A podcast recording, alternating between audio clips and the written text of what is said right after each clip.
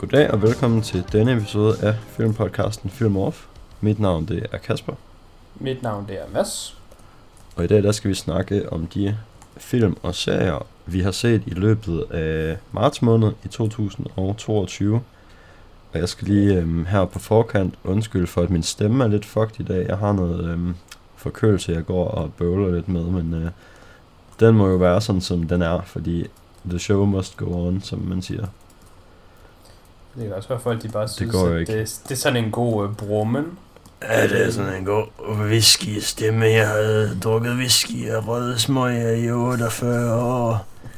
Der, der er sådan et uh, Friends-afsnit, hvor Phoebe, hun bliver øh, syg. Ja. Og så, øh, så bliver hun sådan, så er hun en god sanger i den periode, hvor hun er syg, for hun har en rigtig raspy voice. Mm. Det kan jo være, at øh, fremtiden inden for... Okay, jeg skal øh, give den et skud. Sangkarrieren. hvilket, Øhm. øh, hvilket episodenummer er det her? Spørger jeg bare om, fordi jeg ikke ved det. Så nu kan jeg bare Jeg tror dig on the spot. 110, men øh, det skal jeg 110? fortælle dig lige om 5 sekunder. 110, det lyder højt. Det er 111 faktisk. 111, 111. så må vi hellere... Det er jo et special number, så må man hellere gøre sig ekstra god. Ja. Jeg har, jeg har også forberedt mig lidt bedre til i dag. Jeg har øh, fundet en måde, man kan eksportere ind på Letterboxd. Så nu har jeg rent Mhm. faktisk en oversigt, hvor jeg så kan se alle de film, jeg har set i marts, og så sorteret efter lavest til højst rating. Oh, lækkert. Ja. Jeg tænkte på, har- om hvor vi... har, jeg har 20 film, kan jeg se. Okay. Så der er lidt, der er lidt fra min side, og det lyder også til, at der er lidt fra din side, men Øhm. med mere tryk på lidt. Ja, men lidt den anden betydning af, af det ord i hvert fald. Måske den mere bogstavelige betydning. Øh, men jeg tænkte på, om vi lige skulle sådan hurtigt snakke om, hvad vi tænker om Oscar-uddelingen, inden vi sådan går rigtig i gang, fordi nu er den jo ligesom in the bag. Den, øh, altså hvis vi skal have kliks, så skal der i hvert fald være noget content omkring Will Smiths slap. Sl- Ja. Slapper the bass, man. Det skal der selvfølgelig. Øhm, det, var, det var da ikke så fedt. Altså, hvad, hvad, hvad tænker du, vi skal snakke om om det? Skulle han være smidt ud? Skulle de tage hans Oscar fra ham? Øh, Altså, ja, Hvad- jeg, hvad jeg er tænker bare, at, at, at der er nogen, øh, der er nogen, der sådan, har nogle konspirationsteorier om, at det var, hvad hedder det, øh, aftalt spil, eller hvad man skal sige. hvis det var aftalespil, så håber jeg kraftet med Willie Smith, han har fået mange penge, fordi han har da godt nok fået the short end of the stick i den, i den deal, så. Øh, ja, det er meget sandt. Altså, Noget andet, han ser, jo, også- ser jo ekstremt ski, reflekterer så dårligt på ham. Ja, Hvilket altså, han det- jo skidevis bare har fortjent, men hvis at det er bare en, han tanker for publicity, så er det fandme... Men hvad nu, hvis han ikke har fået Respekt. penge? Hvad nu, hvis han har fået Oscar'en? For det var det, jeg vil sige. Hvis det er en... Øh, Åh. hvis, hvis konspirationsteorien er rigtig, Ja, at øh, Will Smith, han, øh, han var acting, så, ja okay, så mener jeg går bare, så, Jo, så går den jo deep. ja, og så har han jo rent faktisk bare fortjent Oscar'en for bedste skuespiller. Altså, så, Mm. så bare give ham en ekstra næste år også. Altså, det var sgu... Øh, det var sgu prime skuespil så, hvis det var, hvis det var ægte. Ja, Men øh, jeg må ellers der, indrømme, der må jeg også... at jeg er sådan... Altså for det første, så tror jeg ikke det. Det er ikke det, jeg Der kommer sølvpapirshatten lidt for godt på, vil jeg også sige. Jamen altså... Det er sådan rimelig sjovt, at, at nogen overhovedet skulle tro det. Ja, Men jeg guess det er bare så wild for, folk at sådan comprehend. At uh, man Altså- må tænke, at det... Altså alt man ser på... Man er vant til alt, du ser på internettet er fake alligevel.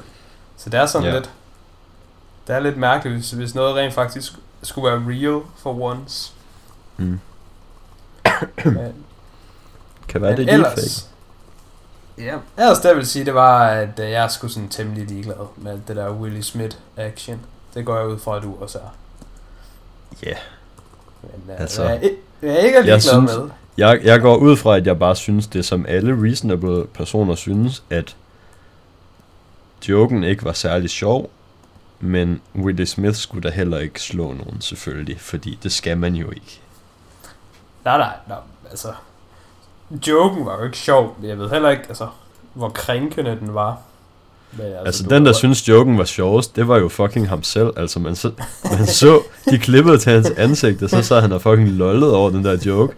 Og så kom han til at kigge over på Jada, der fucking ikke synes, det var grineren. Og så skal så... han op og slå. Så kommer fucking hulemandsinstinktet op i ham. Så er han sådan, okay, på munden. Jeg har ja. faktisk læst om det, nu var vi jo med at snakke om det, det er, at hvis det havde været, altså, det er jo højst sandsynligt ikke Chris Rock, der har skrevet den her joke. Altså, han står jo bare og læser fra en teleprompter. Altså, Jamen, det tror du ikke, være... han har været med til at selv at skrive? Altså, hvorfor... Det kunne også godt være, men man det er får vel en komiker til at... Ja, ja, altså, det er jo det er sikkert veddet og sådan noget. Ja, ja det, og der det er, er nok et writing team. at han bare har læst op af en teleprompter. Og det ja. betyder jo, at det kunne have været hvem som helst. Hvis det nu havde været sådan en eller anden som Jason Momoa eller The Rock, der havde stået og været presenter i det her givet, givet øjeblik, og det var ham, der bare læste op af den her teleprompter, så tror ja. jeg fucking ikke, at Willie Smith han havde været feeling froggy. Nej. Eller, eller hvis det havde været en kvinde. Altså, jeg tror sgu grund til, at han slog Chris Rock, det var fordi han følte, at han kunne slippe afsted med det.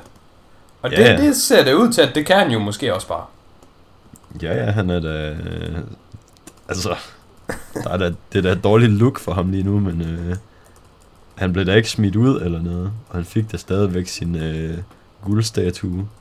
Ja. Så, så det, det er nok faktisk mit sådan, hvad skal man sige, største problem med, med hele scenen. Det er, at det var jo ikke... Jeg føler ikke, det var Chris Rocks joke. Det kan da godt være, det var, men i, i min optik, så var det jo bare noget... Han fik jo bare besked på at sige det her.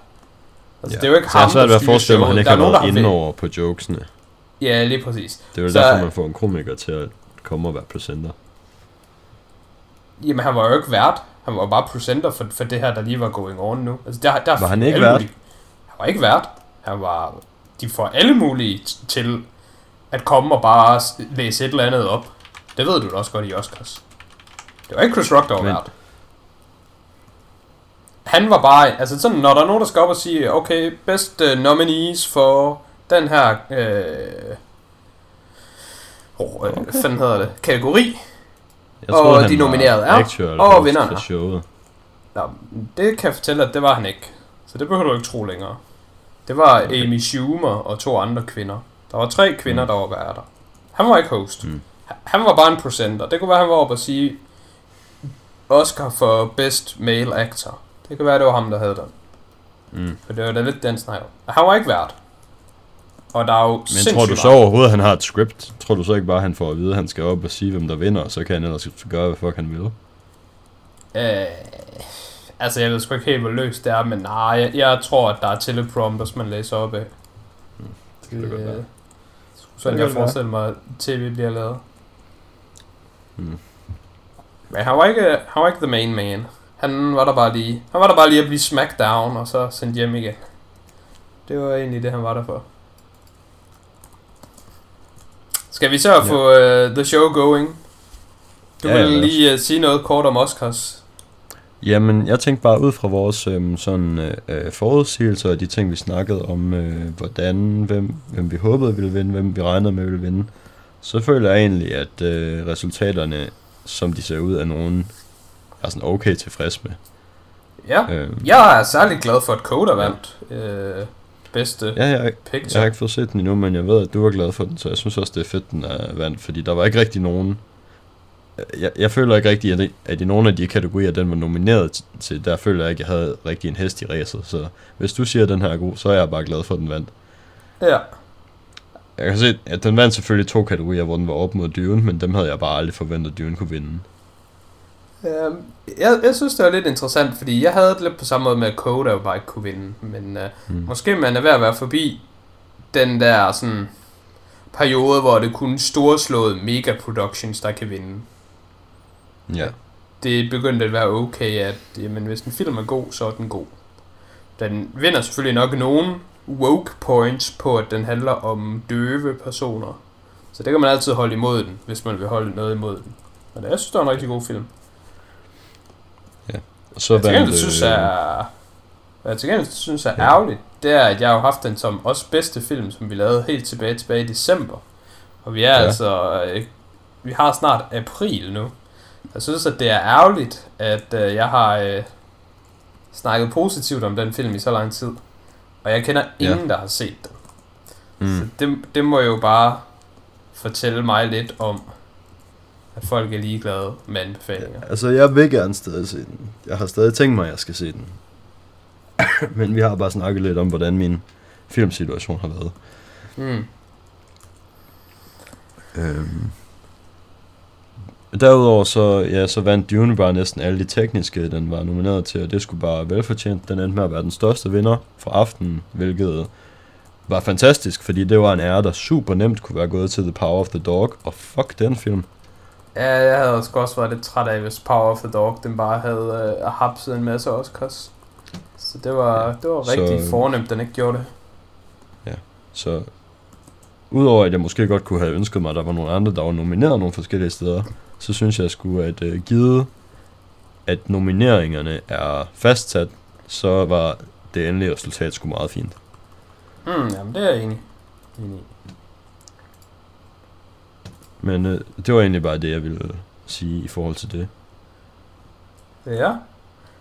Skal vi så uh, starte selve, ja, det kan vi godt. selve filmsnakken? Jeg har jo nok set en del film, som du ikke har set, men jeg ved, der også er nogen, som, uh, i hvert fald en, som du har set, og det er nok også en af dem, der er mere interessante at tale om. Jeg forestiller mig mm. jo, at egentlig bare gå mine igennem fra dårligst til bedst. Ja. Og så er det lidt forskelligt, hvor meget tid jeg lige gider at give dem. Men på ja. laveste 1 ud af 10, der har jeg West Side Story.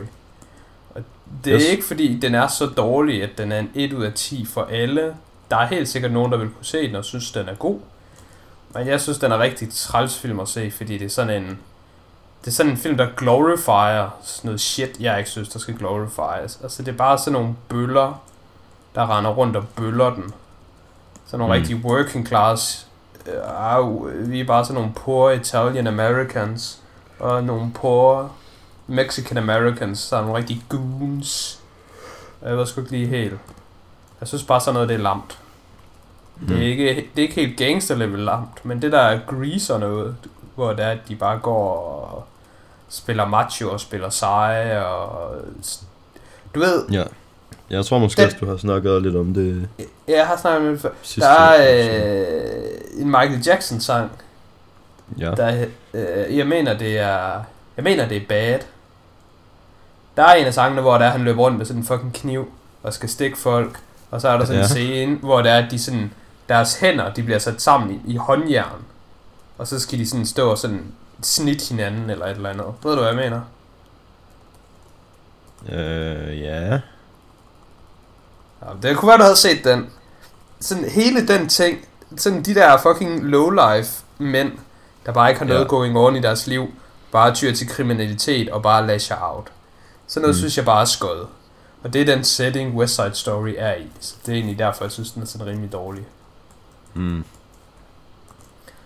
Men altså, hvis man bare synes sådan noget pisse fedt og pisse grineren og mega macho og mega sejt, og det er jo også yeah. en film nok primært for piger, så så go for it. Men jeg synes, det er en skød film. Fair. Det er den eneste 1 ud af 10, jeg har øh, skulle se i den her måned. Så kommer der ellers øh, noget bedre her. Men mm. stadigvæk i bunden. Der har jeg to film på 3 ud af 10, og dem vil jeg putte lidt i samme kategori. Den ene, ja. det er Panama, og den anden, mm. den hedder The Ice Age Adventure of Buck Wild.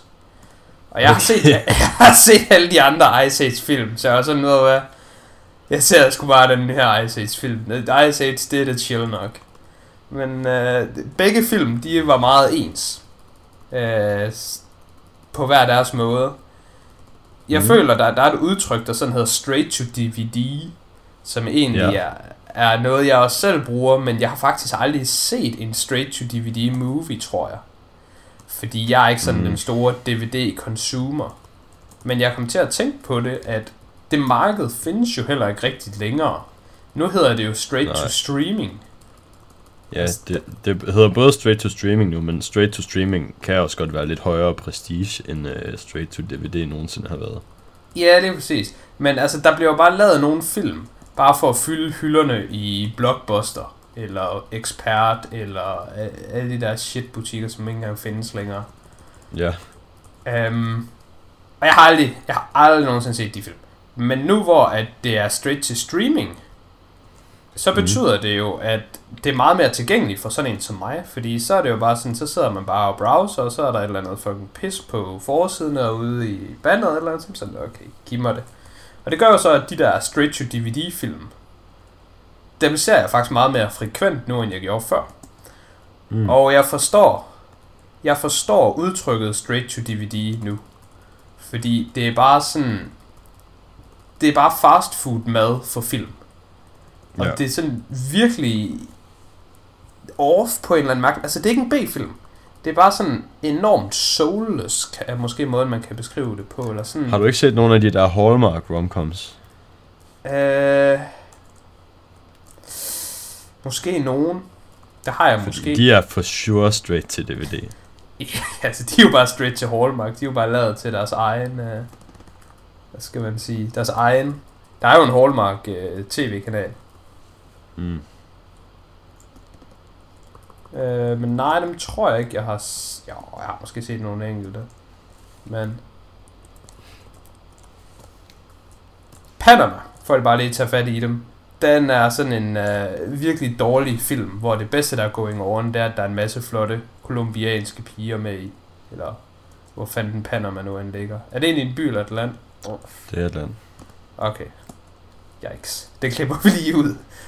Jeg mente også, det var et land, men jeg blev egentlig helt i tvivl. Jeg ved at trods alt, det ligger et sted i Sydamerika, så jeg er ikke helt helt altså, fucking altså, geografisk udfordret. Det ligger jo i Mellemamerika. Mellemamerika?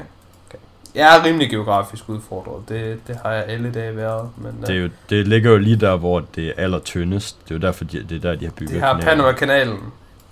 Det giver mening. Men det er så Mellemamerika. Men er Mellemamerika overhovedet sådan noget, der findes? Er det ikke bare noget, man sådan siger, ligesom Mellemøsten? Men Mellemøsten er jo ikke et kontinent. Det er jo bare øh, et sted. Det, det Eller en verdensdel. Nej. I hvert fald, Panama og Ice Age Adventures of Buck Wild, det, det føles bare som at tage på McDonald's og bestille en cheeseburger, og så bare få en eller anden mega slasket, dårlig lavet McDonald's cheeseburger. Så dem, uh, dem kan jeg heller ikke anbefale. Men det var en, det var en interessant oplevelse for mig at se de to film, fordi det ville være sådan en film, jeg ellers normalt aldrig ville komme i nærheden af, tror jeg. Ja. Har du nogen øh, sådan deciderede stinkers? Nej, jeg har sgu ikke nogen, nogen shitters. Okay, fordi øh, det var lige dem, jeg havde på, jeg synes 1 til 3 ud af 10, det er sådan samme kategori. Det er sådan, der ligger man virkelig nede og, og vil gerne tale folk fra dem. Mm. Jeg tror dog heller ikke, der er nogen, der lige har de to sidstnævnte film på radaren. Men West Side Story, nu er folk i hvert fald advaret, eller gjort opmærksom på, hvilken type film det er. Yes. Jamen, hvis vi skal ind til midterdelen, så har jeg en enkelt film, jeg har givet 4 ud af 10. Så mm. det er mhm. sådan lige den, den lave midter, og den hedder Master. Det er sådan lidt en gyserfilm om øh, en sort pige, der kommer hen på et eller andet prestigefyldt universitet i USA. Og så handler den lidt som om, der er et eller andet overnaturligt going on med en eller anden witch, der i gamle dage døde i det værelse, som hende her pige nu har fået tildelt. Men så senere, så begynder den, at handle lidt om, at, øh, at den der onde spirit, der er all over the place, altså man kan, man kan ikke se den, og man kan ikke øh, beskrive den, men man kan altid mærke den. Det er sådan institutionalized racism. Øh, og så, så begynder den lige pludselig at, at handle sådan om det, som om at det er det, der er the big deal. Og ja. det, det er bare sådan lidt mærkeligt skift, synes jeg. Altså, den kunne have været sådan... Den kunne fint have været sådan en Jordan Peele-film, hvor det var sådan en film omkring racisme, der er lidt maskeret under noget horror mm. og overnaturligt. Yeah. For det er sådan, den startede ud med at være, men den committede aldrig rigtigt til noget af det, så den havde virkelig en identitetskrise, og jeg tror, den kunne have været en god film. på begge fronter. Men den endte bare med at være sådan en, en semi-dårlig film på, på begge fronter, fordi den, den ikke kunne commit til noget af det. Så det synes jeg var sådan ja, okay. lidt ærgerligt. Så har jeg set en, uh, en film med din dreng. Han er også lidt min dreng, men jeg tror, han er mere din dreng end min. Mm. Uh, Colin... Hedder han Farrell? Oh, ja, jeg skulle til at sige Firth. Yes, der er Colin Farrell, ja. Colin Firth, han er din dreng. Ja, ja, jeg blev lige helt i tvivl om, uh, hvilken F-lyd, der skulle til at komme ud af min mund. Colin Farrell, ja, den hedder After Yang. Det er en A24-film, og øh, det er en A24-film. Så altså, okay. hvis man gerne vil have en A24-film, så kan man bare se den.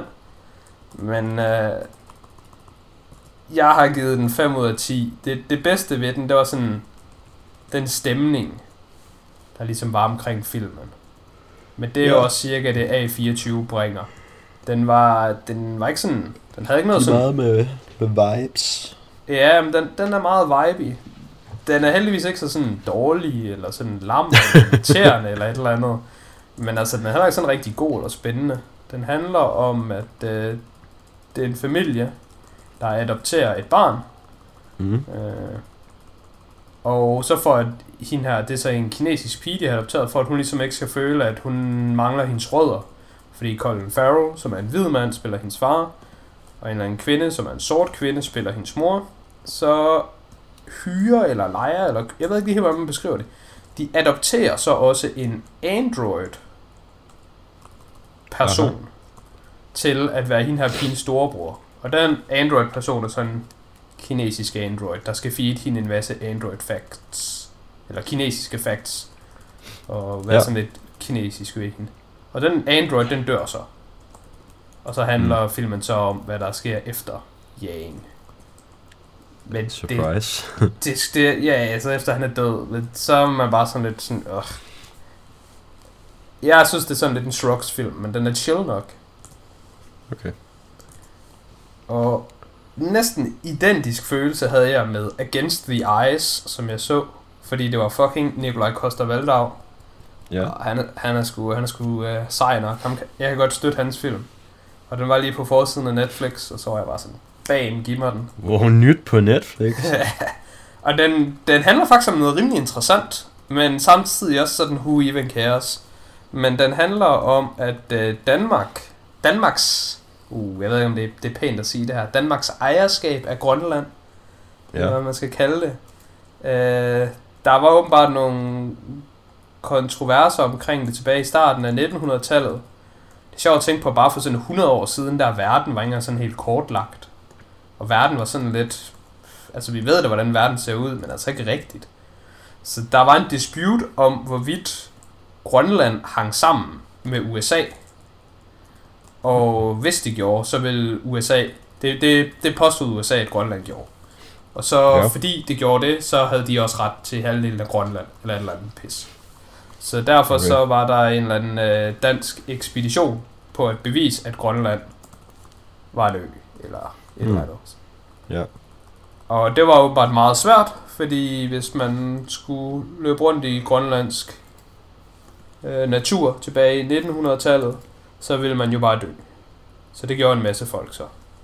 Men øh, ham her, Nikolaj Koster Valdavs karakter, han er så the guy, der så den endelig får det ikke bevist, fordi de kommer derhen og finder nogle andre, der har bevist det, og efterladt beviserne. Men de andre var bare døde, inden de kunne nå at komme tilbage. Mm. Eller blive fanget, eller fundet, eller hvad sådan noget nu hedder. Ja, det tror jeg faktisk, jeg har hørt om det. Ja. At, at, det var egentlig faktisk en, en, en spændende nok film, på, på en eller anden måde. Men den var også samtidig sådan lidt shrugs, og sådan lidt mærkelig at se som en, en millennial person. Altså nu er jeg godt nok vokset op, også uden internettet eksistens. Men jeg føler dog primært, at jeg er vokset op hvor internettet har eksisteret. Så det er sådan... Ja.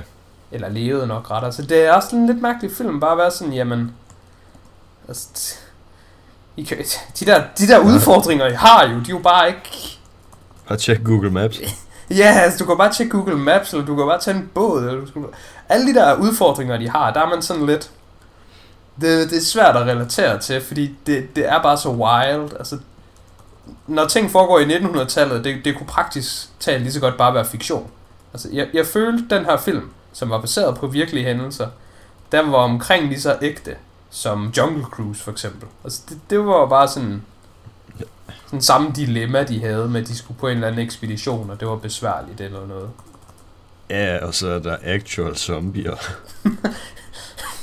Ja, yeah, altså, det, det kunne da næsten også have været her. Altså, det var sådan lidt... Uh, det var sådan lidt okay. uh, sjovt, sjovt at se en film, hvor sådan tingene bare var sådan... Det virkede bare som om, at det skulle være svært, og det var det jo også, men det er bare, det er bare så mærkeligt at se. Og så... Mm. Fordi op i min hjerne, så 1900-tallet, altså 100 år siden, okay, det, det er selvfølgelig lang tid siden, vi er jo ikke tilbage i, i sådan middelalderen. Men det er man jo alligevel på en måde.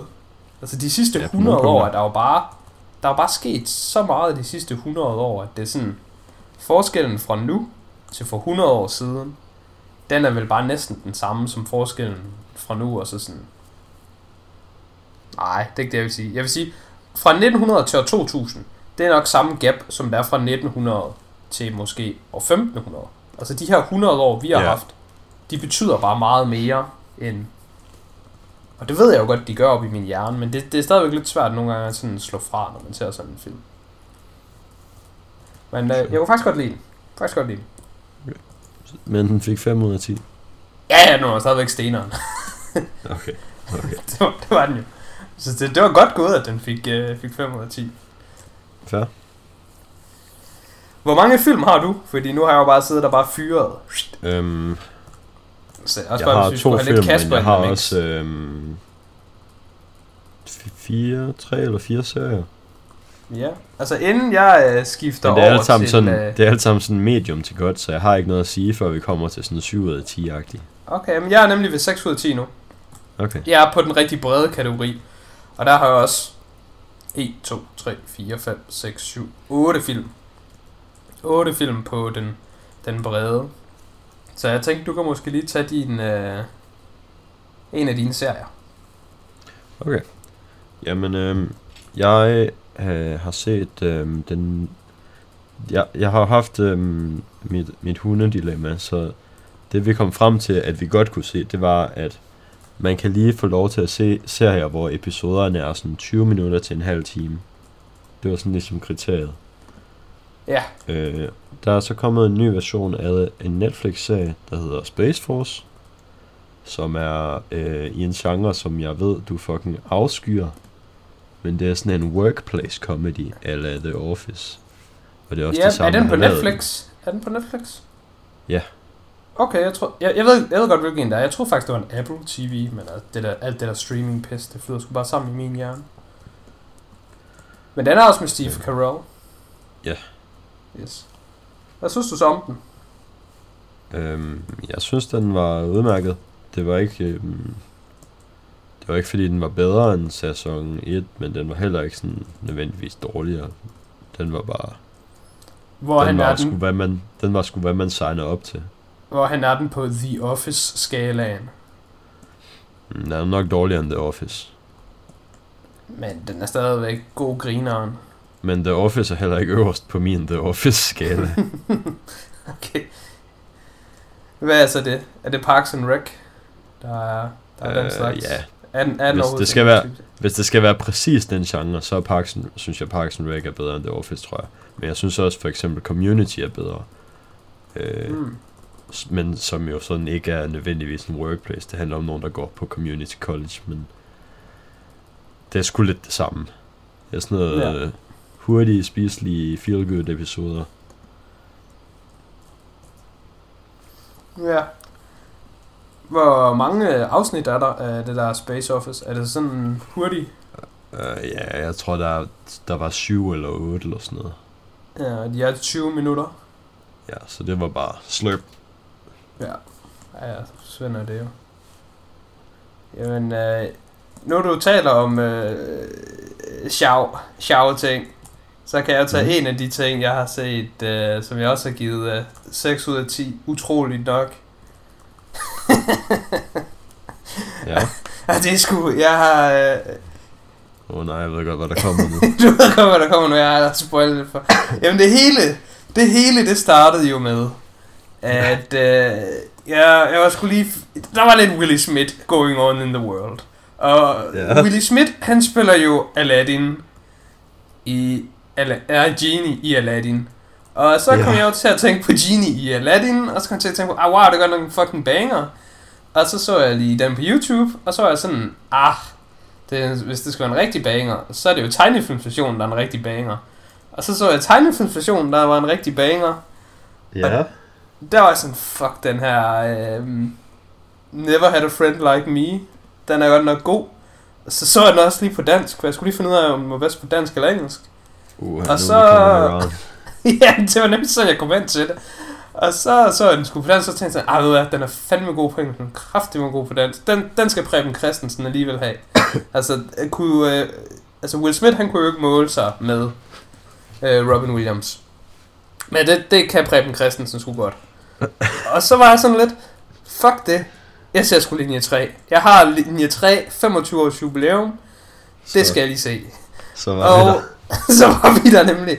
Det var, det var præcis den tankestrøm, der, der skete op i min hjerne, fra det ene til det andet til det tredje. Og så havnede jeg sgu lige pludselig på sofaen med linje 3's 25 års jubilæum. Og det var, det var sgu faktisk rigtig underholdende. Og jeg havde mindst et højlydt udbrud af grin, hvor jeg bare næsten lå og rullede.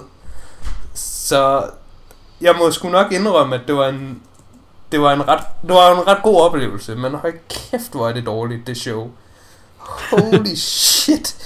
Det er sådan virkelig cringe, men på sådan en...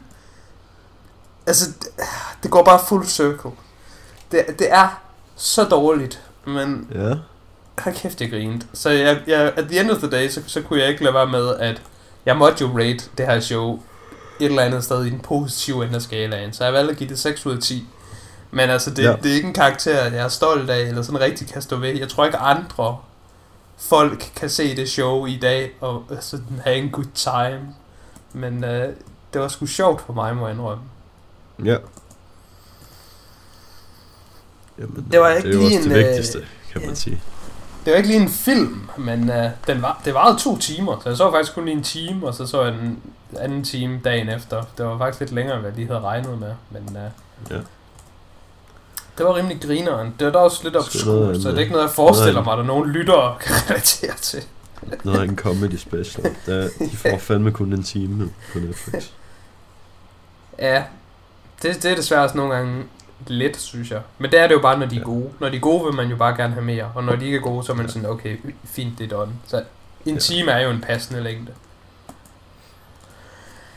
Så var der lige den der James og repertoire, som er sådan fire timer delt op i fire episoder. Det var fucking nice show, synes jeg. Ja, det er nice show. Det, det er faktisk et rigtig godt show. Og der vil man jo gerne have mere, så der er man glad for, at der er fire timer. Ja. Uh, af andre throwbacks, jeg lige kan tage, nu ved jeg ikke lige helt, hvilken rækkefølge jeg tager alle dem her, der har fået samme karakter, men uh, et, en anden gammel ting, jeg så, det var The Mummy fra uh, ja. 1999 med Brandon Fraser Den kunne jeg se, du havde været lidt uh, underwhelmed af. Ja, det må jeg indrømme. Øh, den, var lidt, øh, den var lidt længere og lidt mere sådan mm, agtig, end hvad jeg lige havde ja. troet, den skulle være. Jeg havde godt nok tænkt, at den skulle være rigtig god, men øh, jeg skulle bare valgt at give den 6 ud af 10. Den, den er faktisk overraskende lang. Den var lidt over to timer. Og jeg må desværre indrømme, at jeg synes ikke rigtigt, den er noget sådan super fedt going on for sig, ud over Brandon Fraser. Men han er virkelig god deri. Og, mm og han, han er virkelig looking the part. Altså, han er, han er sgu godt castet. Han, uh, han carrier den film rigtig godt, men den er faktisk ikke så god, som man husker, hvilket man jo egentlig godt ved, hvis man er ærlig med sig selv. Så de der film, man har set som barn, og husker, åh, den var sgu pisse fucking god. Det er jo dem, man skal lade være med at se igen som voksen, men uh, den var ikke dårlig. Jeg har, jeg har set den igen for et, et par år siden, eller sådan noget. Jeg har givet den 8 ud af 10. Okay, Jamen, jeg, jeg, jeg synes den er lidt for, den er lidt for sløv ja, øh, Jamen, det er da, øhm, det er fair. Men jeg kom til at tænke på, at øh, eller, mens jeg så den, der tænkte jeg netop, at ah, øh, National Treasure er jo bare bedre end det her. Men det kan jo godt være, at jeg skal passe på med at have den tanke, så jeg har nemlig overvejet, at jeg skal nok snart til at se National Treasure igen. Bare lige for at se om... Uh, for det, det er sådan...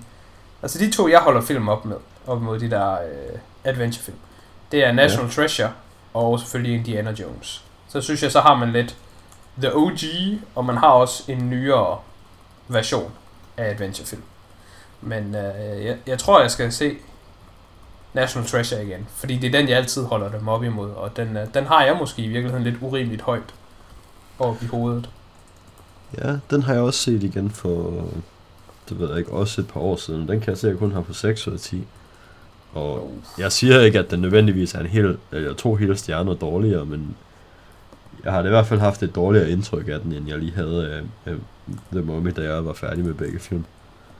Ja, okay. Jeg, jeg tager lige nogle hurtige rapid fires, piu, piu, for dem Det er svært at holde film op mod hinanden, som man har set øh, på vidt forskellige tidspunkter, så det er sådan, man kan ikke ja. sammenligne rating en til en, men... Øh. Nu handler det også om, hvilken humør man er i, når man ser den, eller hvem man ser ja. den med, og, og, og alle de der ting. Nu hvor vi bare taler om adventurefilm. Har du set Death on the Nile? Ikke nu, nej. Nå, okay. Så vil jeg jo den... ikke tale for meget om den. Jeg kan sige, at jeg har givet den 6 ud af 10. Og jeg synes, den er ret god. Det er da Men... en adventure-film, er det? Nej, men altså det... Nej, nej. Nej, det er det ikke. Det er det overhovedet ja. ikke. Det er en rigtig whodunit film. Men altså, det, jeg, synes, det, jeg synes, de sådan, det, det er sådan lidt, øh, hvad hedder sådan noget, fætter, fætter kusine øh, film. Altså ja. ligesom øh, actionfilm og heistfilm er jo ikke det samme. Ja eller heistfilm og konfilm er jo ikke det samme, men Nej. De, de er sådan over i samme Venn-diagram. Heldigvis for mig, så har jeg ikke specielt høje forventninger til Death on the Nile, fordi jeg synes heller ikke, den første var sådan så god igen. Nej, altså det, det synes jeg egentlig heller ikke, men jeg har alligevel glædet mig til at se den, bare fordi jeg gerne vil se den. Så. Mm. Øh, jeg synes, Gal Gadot, hende er ved at blive sådan virkelig træt af. Jeg ved ikke helt, hvorfor hun generer mig så meget, som hun gør, men jeg synes bare, hun er irriterende synes, hver gang hun er med i film, så er jeg altid sådan rolling my eyes. Og det var, det var det samme her. Hun er sgu... Ja. Hun er sgu bare træls. Jeg ved ikke, hvordan du har det med hende. Jeg synes godt nok bare, at hun er... Ugh. Men der var mm. en... Uh, der er en person med i uh, Death on the Nile. Ja. Jeg synes, du må ikke gå ind under castet. Og så, når du ser filmen, der er en der er, der hedder Dr. Winsham, ham mm. kunne jeg godt tænke mig at høre, om du kan se, hvem det er. Fordi det var faktisk den, den største surprise, jeg havde, da jeg så filmen. Det var, at den person så virkelig øh, genkendelig ud, men jeg kunne bare ikke sætte min finger på, hvem det var. Så til sidst så blev jeg nødt til at krybe kort, og så gå ind og slå personen op. Og så kunne jeg fandme ikke, ikke, ikke se det længere, at det var ham. Men det synes jeg var ret interessant. Altså, det var the biggest surprise of the movie for mig. Det var, hvem mm. den person var. Fordi selve... Nu... hate to be that guy, men jeg synes, plottet deri, det var rigtig nemt at regne ud. Rigtig nemt at regne ud, hvem der var the killer. Det var nemt at regne ud, hvad motivet var. Det var nemt at regne ud, hvordan det hang sammen. Alle de der ting var sindssygt obvious i den her film.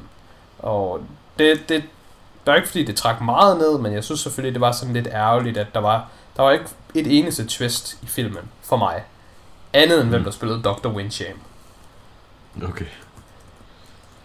Men det er en, uh, det er en flot nok lavet film, og den er sådan interessant nok, og den har mange moving pieces, så ja, jeg synes alligevel, det er en okay film. Den, du kan godt sådan, hvis ikke glæde dig til den, er måske for meget sagt, men du kan godt sådan se ok frem til den, vil jeg sige. Okay.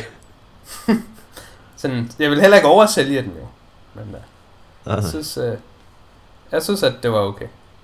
Okay. Uh, to andre film, jeg har set, som jeg vil putte i samme kategori-ish. Ja, det er, er vi stadigvæk på sådan 6 ud af 10 her. 6 ud af 10, ja. Det okay. er The Rental og No Exit. Uh, huh?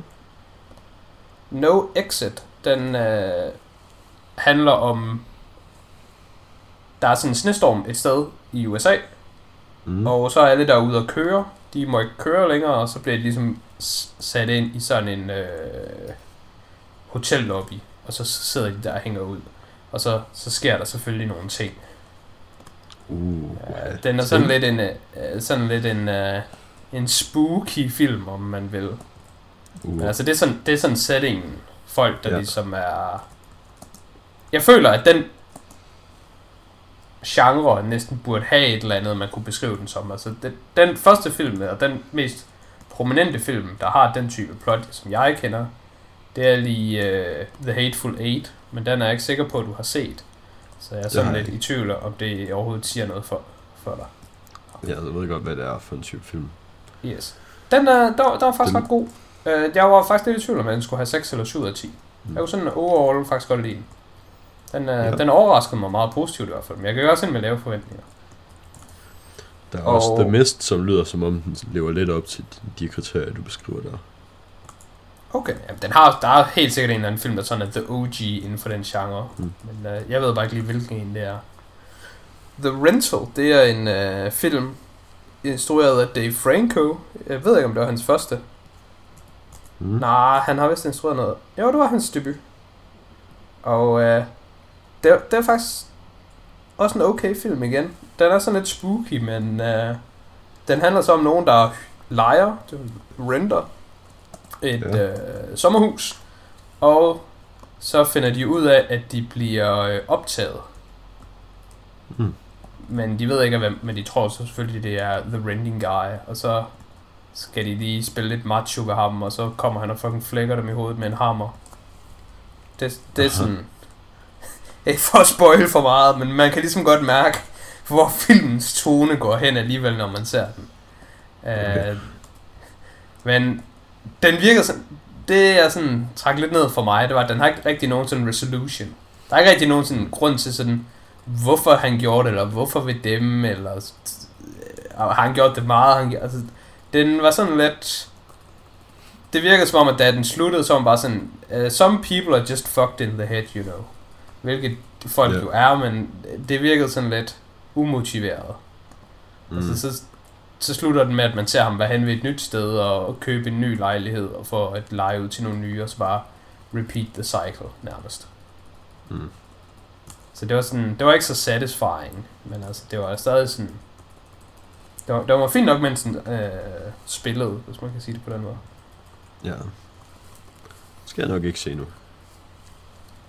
Nej, du er ikke sådan en spooky guy, er du det? Øh, ikke så meget, men altså, jeg kan da godt, jeg kan godt se. Af de to, der synes jeg, uh, No Exit, der var den bedste. Okay. Så ellers den sidste, jeg har på 6 ud af 10, og nej, jeg har faktisk nogle flere. Men dem, dem speedrunner jeg bare lige. Det var egentlig, jeg faktisk okay. lige så i dag. Den hed Desperado. Du sagde, du sagde tidligere, at du ville tage speedrun, og så Ja, men, men det var dem, dem her, jeg ville tage. Nej, det var dem her, jeg ville tage. Okay. Men så talte okay. vi lige om Death on an Isle, fordi det synes jeg lige, det passede ind i det, vi taler om. Desperado, ja, okay. det var bare sådan en, en rigtig Tarantino-film, udover det ikke er en Tarantino-film. Men det mm. føles det enormt meget, som om det er. Og det er sådan noget øh, lidt goofy, over-the-top violence. Det er så Robert Rodriguez, der har instrueret og skrevet den. Og ham og mm. Tarantino, de er vist lidt nogle homies, tror jeg. Så, og yeah. Tarantino er med i filmen. Så selvom han ikke står hverken som producer eller writer eller anything, så er jeg sikker på, at han har haft en finger med i spillet. Uh, men den er sådan, den minder lidt om uh, From Dusk Till Dawn i vibe. Og den ved jeg, der er mange, der godt kan lide, og den er sådan rimelig populær. Så, så yeah. hvis man er into that stuff, så er der Desperado. Så har jeg set en film, der hedder A Moment to Remember, som er sådan en koreansk uh, romance-film. Og den mm. havde jeg set før, og den husker jeg, at var sådan rimelig god, og sådan rimelig uh, havde pakket emotional punch. Men her, da jeg så den anden gang, der var jeg faktisk sådan rimelig meget let down. Der var sådan, tja, der var der sådan fint nok og lidt for lang. Så den satte jeg sgu ned fra en 8 ud af 10 til en 6 ud af 10. Så det var sgu lidt en fiasko at se den film igen. Mm. Ja, men, uh, det er ikke så godt, nej. Og så er der den sidste 6'er. Den hedder Turning Red. Og det er en animationsfilm. Ja, ny, Pixar-film. Yes. Og den, uh, den, den var faktisk rigtig god af at være en film, der overhovedet ikke er lavet for mig. For den er lavet til nok ikke engang teenagepiger, men piger sådan lige før teenagealderen. Eller f- måske forældre, der har sådan nogle. Altså det, det er meget tydeligt, at det er sådan piger i den alder. Jeg læste ellers, det var en millennial coming of age film. Jamen altså, det er også en coming of age film, men altså jo bare coming of age for piger, altså mm. går i puberteten. Det kan jeg jo ikke rigtig bruge til noget eller relatere til, men jeg tænkte at hvis jeg nogensinde får øh, piger selv, så kunne det da være en god film at se med dem. Okay. Den, øh, den, den var sådan... Apropos straight to streaming, så Dumbo og Disney jo bare alt Pixar slår straight på Disney+. Plus. Der er ikke noget Pixar-film, der kommer i biografen længere. Altså, det er der bare ikke, fordi det er der bare ikke, eller fordi har de været ude at sige, at sådan er det bare resten af livet, eller er det bare sådan noget, du har lagt mærke til? Altså har der været et statement, øh, der siger, at det er sådan, det er? Øhm, det ved jeg ikke, om der har, men altså siden Disney Plus kom, så har der ikke været en eneste Pixar-film i biografen. Ah, okay. Jamen, så Soul det... røg bare direkte på streaming. Øh, den der med øh, Tom Holland og Chris Pratt. Ja, ja. Øh, Courage? Brave? Hvad fanden hed den? Br- br- et eller andet, hed den ikke et eller andet? Hedder ikke, den hedder ikke Brave. Nej, den hedder ikke Brave, men hed den ikke sådan noget, sådan noget i den stil? Det ved jeg ikke. Chris Pratt. Nu er det Google Podcast. den hedder Onward. Onward, ja ja. Sted. Jeg synes nok, den hedder noget i den stil. Jeg må være ærlig indrømme, jeg ved ikke sådan helt, hvad forskellen er på Disney Pixar og Pixar film. For mig der er det bare... Det er to forskellige... Nå, nej, nej, der er ikke noget, der hedder Pixar.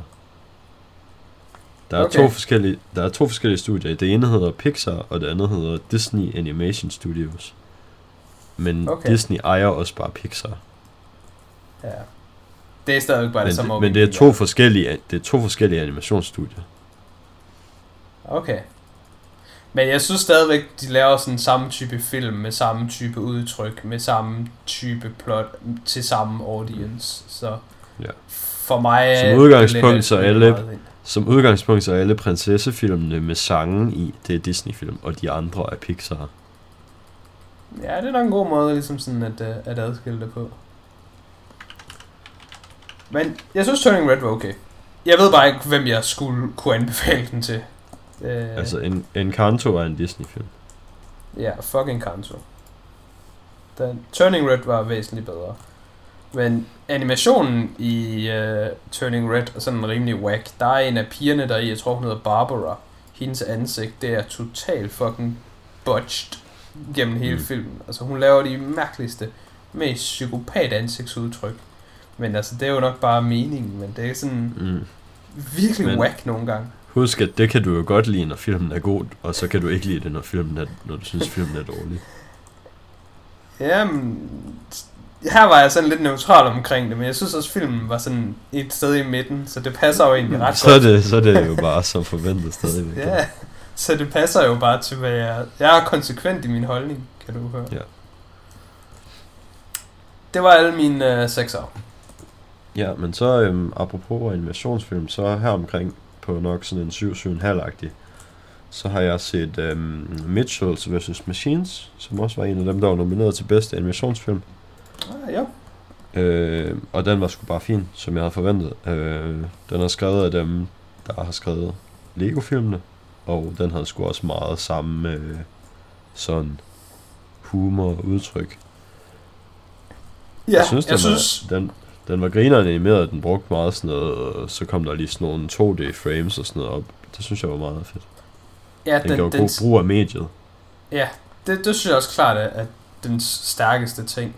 Det er mm. sådan den, dens visuelle udtryk og dens visuelle ja. humor. Nogle gange, der synes jeg, den største downfall kan også godt være, at den prøver at være lidt for lol to random. Ja. Og sådan lidt for meget, så den... Altså, vi ved jo godt bare, at det er white boomers executives, der tager beslutninger.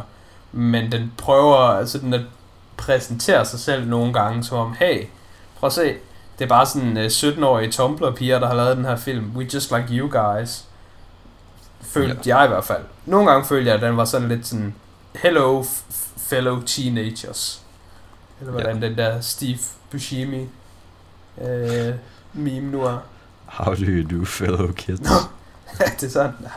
Den, den, den, nogle gange, så, så var den sgu derovre af, må jeg indrømme.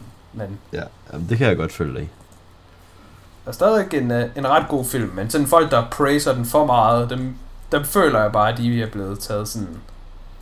De er bare blevet uh, panderet lidt for meget til, og så ikke sådan... Ja, ja, men har, har, det er der jo bare... Det er der jo bare andre kategorier, hvor det, det sker jo bare yeah. for os i andre kategorier, og så siger vi ikke noget til det. Så siger vi bare, fuck, det er den sygeste film, jeg nogensinde har set det her. Øh, bare roligt. Ja, senere, der skal jeg nok indrømme, at uh, der kommer en film, hvor de bare har læflet for mig hele vejen igennem, og jeg er bare sådan lidt, jeg kan godt se, at de har gjort det, men jeg er sådan lidt, ja ja, jeg er en skød hund for det. Mm. Øhm, hvor er det nu, Mitchell? Det er Netflix, er det ikke det? Jo.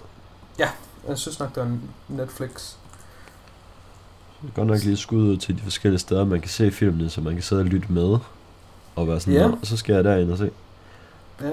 Nu har jeg også, øh, også noget til mine syver. Og der er Netflix også kan bare sponsorere os, så snakker vi kun om Netflix-film. Der er en masse Netflix-film på mine syver. Netflix, de har, ja. været, øh, de har været done doing it. Den ene, det er The Adam Project. Der er kæmpe store Ryan Reynolds seje fede film. Ja, og, den har jeg øh, ikke lige set endnu. Nå, ja, Men det kommer ja, jeg nok til. Jeg er faktisk varm nok på den. Jeg er varm nok på den.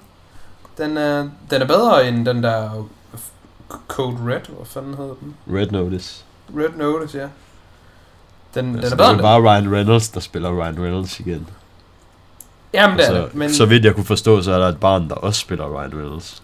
Ja, og som forventet, så er barnet jo selvfølgelig nok bare den dårligste del ved filmen. Men altså, det, det, sådan tror jeg bare, jeg har det, når jeg ser film. Uh, men det var ikke fordi, at han var sådan decideret dårlig. Ej, det var den dårligste mm. del ved filmen, det var sgu ham der fucking Bruce Banner, som alle så godt kan lide. Hvad nu han hedder? Mark Ruffalo. Jeg ved altså ikke lige, hvorfor der er Mark Ruffalo, han bare er en, en guy for folk. Mark Ruffalo, ham han kan jeg altså godt lide. Han er virkelig ikke en guy for mig. Mark Ruffalo, han er sgu bare fucking skillåret gammel mand. Han er skillåret, er han ikke det? Eller sådan han blevet det. Han er sygt skillåret i den her film. Det kan da være, han er det i filmen. Men er, jeg ved det ikke. Jeg synes bare... Kan det være, det er synes, meningen, han skal være det i filmen? Det kan være, det er meningen, han skal være det i filmen. Hver gang jeg ser Mark Ruffalo, så tænker jeg bare altid, at, at ham her, han er jo bare en guy, der stumbled onto the set. Og så, så har han bare været heldig at bare ryge ind i filmen. Mm. Jeg ved ikke, hvorfor jeg har det sådan med ham. Men sådan har jeg det med ham, og sådan havde jeg det også med ham i den her film. Hvorfor fordi du er en hater? Jeg er lidt en hater. Jeg synes bare... Hvad, hvad, hvad, hvad kan Mark Ruffalo? Han bliver altid typecastet til at være den der sådan lidt kloge, chill professor-type. Men altså, det er han jo ikke. Han er jo ikke... Ja, det ved jeg faktisk ikke, om han er. Det kan selvfølgelig godt være, at han bare er pisseklog. Jamen, det kan godt være, at han er sådan en rigtig Dolph Lundgren-type, der bare har PhD'er ud af røven. Men det slår mig bare som om, at ligesom The Rock, han bliver bare typecastet til at være et roid-svin. Så bliver Mark ja. Ruffalo bare typecastet til at være sådan, hey, did you think about this? I just, I'll just invent the thing that does it. Jeg ved ikke, hvorfor det generer mig, men det gør ja. det bare.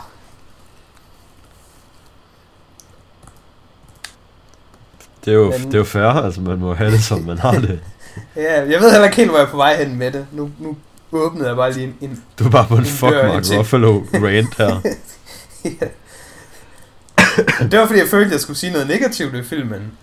Men så negativt er det ikke engang. Det var hver gang, jeg ser ham, så er jeg sådan lidt, hvad fuck okay. laver this guy igen nu? Han er jo ikke Det værste ved filmen var vel bare, at den ikke sådan, den var ikke god. Nej, men, jo, men, altså, den var så god, som den kunne være. Det værste ved film, altså den kabel, okay, for, for at forklare på den måde. Den her film okay. er en 7 ud af 10, og det er godt gået for den film, for den kunne ikke okay. blive bedre. Altså, den har ikke potentiale til mere. Så det er jo sådan set ret godt.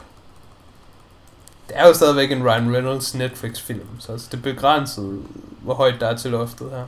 Ja, okay.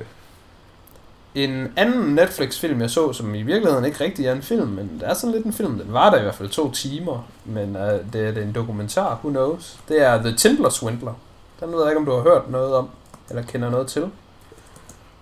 Jeg har set en trailer, tror jeg.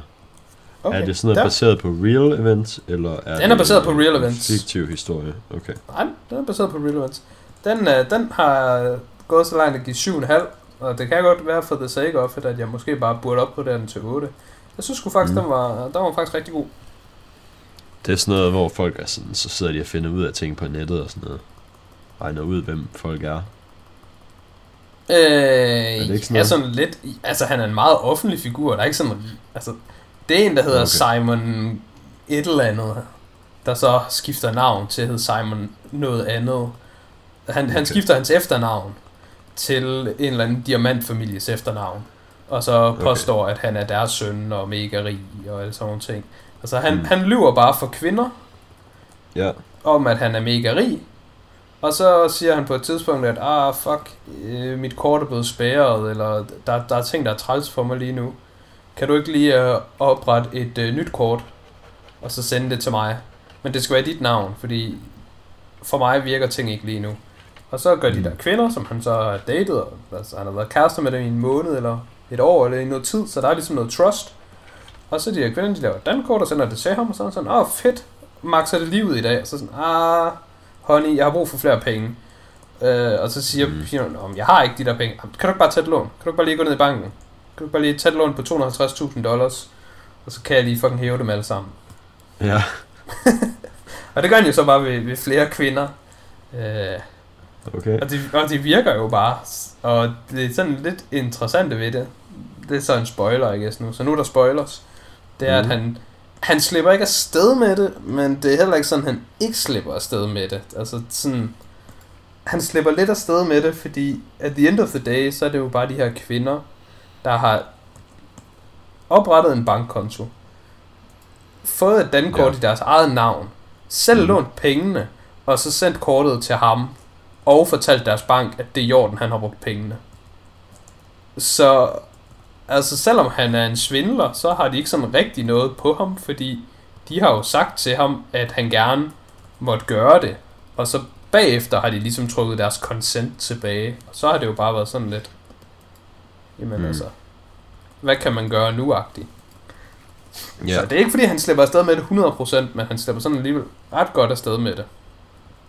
Det, det synes jeg er sådan lidt interessant. Og så det, det mest interessante ved filmen, det er måske, hvordan de sådan portrætterer de her kvinder, som om alt er bare synd for dem.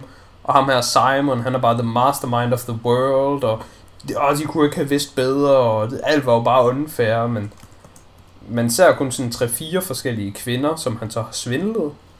Og du ved jo, at det er jo bare den numbers game, når det er Tinder. Han har jo ikke været inde på Tinder, matchet med den her ene Simone, i Norge, og så svindlede hende, og så gået videre til den næste, og har 100% succesrate. Han har jo bare matchet med 50 kvinder, og ud af de 50 kvinder, så har der også været 10, der er faldet for historien. Ud af de 10 kvinder, så har der også været 5, der har lånt ham 250.000. Ja. Så, altså det synes jeg bare lige, man skal sådan keep in mind. Altså, det er ikke fordi, man, det er ikke fordi, jeg vil victim blame for meget, men jeg synes til gengæld, når man ser filmen, så er Netflix også lidt for meget sådan letting them off the hook ret hurtigt. Mm. Den føles meget som en, en Catch Me If You Can slags film, udover den bare real. Så det gør den på en måde bedre, men selvfølgelig også på en måde, man, hvis man nu har rigtig meget empati for sine medmennesker, så gør den måske filmen lidt dårligere. Fordi når man ser, når man ser fiktiv con artist film, så er man sådan lidt, åh, oh, der er jo ingen, der kommer til skade. Men her der ser du et interview, hvor nogle af de piger bare bryder ud i gråd og bare sådan, åh, mit liv er blevet fucking ødelagt og vendt på hovedet. Så det, det, det kan jo godt måske sådan emotionelt manipulere en lidt til den ene eller den anden side. Ja. Men... Det er lige... Øhm, det, min umiddelbare indskydelse var, at det lød lidt som den anden Netflix-serie, der hedder Don't Fuck With Cats. Det ved jeg ikke, om du har set. Nej, men baseret på, at den Ja, det er en catfish-film, så. Nej, det er en, der, øhm, det, en, der sådan poster videoer, at han mishandler nogle katte på nettet, og så er der bare sådan nogle internet detectives, der beslutter sig for at prøve at finde ud af, hvem den person, der lægger de her videoer op, er. Og så finder de ud af alle mulige ting med sådan, okay, i den her video, der ser stikkontakten sådan her ud, så må han bo i det her land, og så laver de alle mulige fucking internetdetektivarbejde for at finde ud af, hvem den her person er. Mm, det, jeg tror faktisk, at jeg har set trailer til det. At det er sådan lidt, lidt sjovt, hvordan de bare narrow det down ud fra alle mulige ja. uh, sådan små ting. Den er ret spændende, men der er selvfølgelig nogle måske lidt hårde klip for nogen med nogle dyr, der bliver udsat for nogle ting. Ja. Mm, den kunne jeg måske faktisk godt finde på at se. Jeg synes, det er spændende nok, sådan noget internetdetektiv-stof. Ja, det er sådan en miniserie på, det ved jeg ikke, fire episoder eller sådan noget. Ja, okay. Altså, det, det her, det er ikke... Uh, Tinder Swindler, det er altså FBI eller Interpol, tror jeg nok, det er. Ja, det er jo ikke ja. USA. Interpol kommer med ind over det, og sådan uh, forskellige lokale myndigheder i Europa og sådan noget. Så det, det er en legit stor ting. Sådan, det er ikke sådan et eller andet hygge noget, hvor der er nogen, der sidder derhjemme og, og googler ja. og stikkontakter. Ah, nej, altså der bliver også der bliver mere, det bliver mere involveret i løbet af den her serie. Ah, okay, okay. Øh, jeg har to syvere. Ja. Øh, den ene, den øh, var en, jeg tidligere havde givet 8. Den hedder I Want mm. to mhm. Eat Your Pancreas, som er en øh, anime-film, og den husker jeg til at være sådan lidt i stil med Weathering With You, bare ikke lige så god. Mm. Og har givet ja. den 8 ud af 10, og den også kunne pakke et godt emotional punch and all that. Og så da jeg så den igen, der var sådan lidt, ah, det, det, det havde den sgu faktisk bare ikke. Så den, øh, jeg havde lidt gået ind med forventningerne om, at den skulle måske gå fra en 8 op til en 9, og så gik den bare fra en 8 ned til en 7. Så det var sådan lidt ærgerligt. Men øh, det var stadigvæk en, en fin anime, så hvis man godt kan lide det der øh, rimelig, øh, hvad hedder sådan noget, sobby, øh, tearjerker, ja. øh, anime film, som jeg jo godt kan lide, så, så kan jeg stadigvæk godt anbefale den. Men den var sgu ikke lige så god, som jeg faktisk havde troet til at starte med. Og ellers så har jeg set den Oscar-nominerede film Cyrano med Peter Dinklage. Og ja. faktisk jo længere, det er lidt mærkeligt, for der er jo nogle film, der har det på den her måde, så jeg ved ikke, om det er plus eller minus. Jo længere tid der går, altså nu er det efterhånden, ja. er det, to uger siden, jeg har set den. Du snakkede om den sidste uges episode i hvert fald. Ja, ja. Jeg kan se den, jeg, jeg har set den den 12. Så det, det er over to uger siden jo længere tid der er gået, jo bedre synes jeg den er. Lige efter jeg så den, der var sådan lidt, ah, det var da en fin nok film, men altså, det var sådan lidt fuck den -agtig. Men mm. øh, jeg, har, jeg har endt med at give den 7 ud af 10, men jeg synes faktisk, det er en god 7 ud af 10. Men ja, jeg vil ikke, jeg vil ikke varmt anbefale den, men jeg kunne godt lide den, og Peter Dinklage er virkelig god deri. Den du vil koldt anbefale den. Ja, jeg kan koldt anbefale den. Jeg, jeg havde lidt håbet på, at synes, den ville være bedre. Men øh, det gør jeg sgu desværre ikke. Fair. Jeg snakker om den i sidste uge, så jeg vil nok ikke sige så meget om den nu. Den er, det er en musical, og den er sat i sådan noget 1800-tallet. Og den handler om en, en grim mand, der er forelsket i en smuk pige. Men fordi han er grim, så føler han ikke, at han kan få hende. Og mm. hende, den smukke pige, hun ser en flot mand, og så vil hun gerne have den flotte mand, og så ham den flotte mand, og ham den grimme mand, de er soldater i samme regiment, og så ja. øh, homer de den lige lidt op, og så ham den grimme mand, han skriver breve på vegne af den flotte mand, fordi det er mm. selvfølgelig sådan en rigtig stereotyp en, hvor grim mand, good word, flot mand, speak bad. Så han kan ikke finde ja, ud af at tale okay. ordentligt med kvinder, okay. og så er han bare sådan lidt, hey, nu skriver jeg på dine vegne, så han totalt wingmaner bare ham her, den flotte mand, op mm. til den flotte pige, som han egentlig vil have.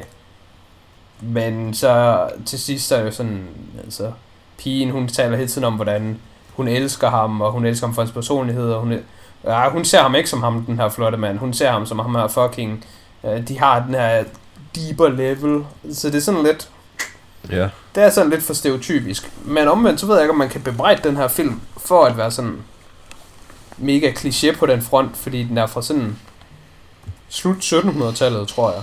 Så jeg kan vide, om den her ikke bare er næsten the OG-historie omkring det der det kan det godt være. Grim, grim mand, flot mand, flot pige, grim mand hjælper flot mand med at flot pige. Men man kan jo godt bebrejde den alligevel, fordi der er jo nogen for et par år siden, der har besluttet sig for at lave en filmatisering af den her bog. Eller ja, ja, et eller andet. Jeg tror, det er teaterplay fra slut 1700-tallet.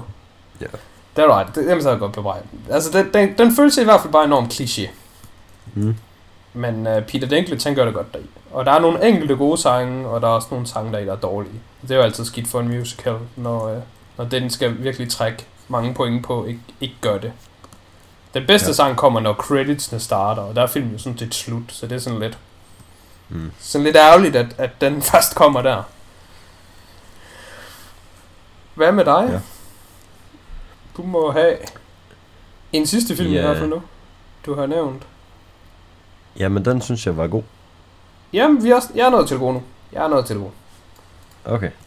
Jeg Jamen, har kun jeg har set, en god øh, film tilbage. Okay. Jeg har set den nye Batman. Ja. Og øh, den synes jeg skulle bare være fed. Der er... Jeg ved ikke om jeg vil Jeg synes ikke den er så god som... Øh, som Dark Knight-filmene umiddelbart. Jo, jeg, også, det ved jeg, ikke. jeg ved ikke, hvad folk gør det til nødvendigvis. Folk gør det til en straight banger, og jeg har også absurd høje forventninger. Ja, men altså, jeg synes, den var rigtig fed, men den er... Den, er, den øh, rammer sgu også lidt øh, nogle af de ting, som jeg øh, godt kan lide. Fordi noget, som jeg synes, den er, som jeg ikke rigtig har hørt så meget snak om, det er, at jeg synes sgu, den var rimelig Blade Runner-agtig. Jamen, det, det er nogen. At den, okay. er, den, den er lidt mere tegnefilms uh, detective comic Batman. Ja. Og ikke bare uh, Christian Bale i et Halloween kostyme der slår folk på munden. Ja, så den er både lidt mere sådan... Uh, der er lidt mere... Tænke... Jamen, det, tænke ja. action. Det er ikke en spoiler for mig, hvis du siger, at den er sådan lidt neo-noir detective-agtig. Fordi ja, det, det, er den, det, det, men også, det føler jeg er known. Ja, altså specifikt øh, noget look på nogle af de scener, der er, altså der er sådan nogle scener, hvor man er i en helt mørk by, og det fucking står nede i stænger, og der er sådan nogle øh, neon billboards. Øh, og så, så er der endda sådan nogle fucking luftskib, der flyver rundt og skyder lys ned.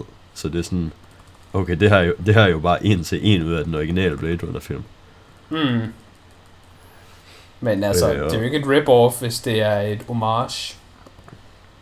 Øh, nej, jeg synes heller ikke, det føles som en rip-off, fordi sådan selve handlingen er meget anderledes. Altså, det er jo ikke, fordi den føles, som om den rammer de samme sådan beats handlingsmæssigt. Og så kan man jo godt have nogle visuelle goofs, der lige er sådan, oh, det, det ligner lidt det fra den anden en. Det er sgu fint for mig. Især når det, jeg synes bare, det, det er sjovt. Især når det er noget andet fra noget, man synes er godt. Altså, så kan man jo bare, så kan man bare do things.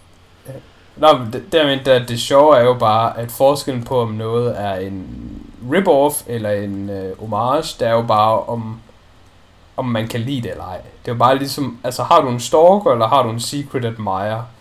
Altså, ja, det, så det kommer an på, om de er flot. Ja. jeg, jeg glæder mig enormt meget til uh, Batman, og jeg fik lige fortalt dig inden uh, uh, i gang, at jeg lige blev snydt, inden jeg troede, den var ude, fordi inde på min Facebook, der fik jeg en reklame af HBO Max. Så se alle de film, du elsker. Og så de tre mm. film, der var highlighted, det var King Richard og Dune. Og de to film ved jeg er ude, og man kan se på HBO Max. Og så var der fandme også The Batman. Og så sagde shit, er den ude? Er den kommet i weekenden? Eller? Så den skal jeg fandme ind og se. Men uh, det er den ikke. Den kommer først sådan midt til slut april. Så der blev jeg rigtig lige sådan glad for et øjeblik. Egentlig bare, fuck dem. Mm. Men den glæder jeg mig da meget til. Uh, jeg kan jo ikke tale så meget om den nu, men vi kan nok tale om den i næste måned. Hvis du bare har lyst til at sidde og tale om øh, superheltefilm, så tænker jeg til gengæld, at vi kunne runde af med Spider-Man, for den har jeg fået set. Ja. Jeg har også Inden... lige øh, et par serier mere, jeg gerne vil give et skud ud. Jamen så gør det. Jeg har øhm, kun Spider-Man og én øh, film. Jeg har set øh, første sæson af et HBO-show, der hedder Barry, øhm, som ja. handler om en øh, legemorder, der beslutter sig for, at han ikke rigtig synes, det er så fedt at være legemorder længere, men han er sådan rimelig deep i branchen. øh, og det han beslutter sig for, at han gerne vil skifte at være legemorder ud med, det er at være skuespiller, og det med at det er sådan en rimelig stor konflikt med, at man gerne ikke vil have folk kender en i det ene erhverv, og det vil man gerne have, at folk gør i det andet. Ja. Så altså, det er en komedie hvis ikke det var tydeligt af beskrivelsen. Men det synes jeg skulle være meget godt. Der er en sæson mere, som jeg glæder mig til at komme i gang med. Og så er jeg begyndt på øhm, den nye sæson af en Amazon-serie, der hedder Upload, som handler om sådan en verden kort tid ude i fremtiden, hvor at når man dør, så kan man få uploadet sin hjerne ind til sådan en computer. Det er lidt Black Mirror-agtigt. Der er den der episode, hvor de der, der er det der hotel eller sådan noget man kan bo på. Ja. Nej, der er de måske ikke døde, der sidder de bare nede i sådan en kælder med sådan hugget op til sådan noget VR-pis. Ja. Men det er så kun en hukommelse, øh. der er sådan... Man kan ikke leve videre, sådan det er ligesom i Altered Carbon eller noget.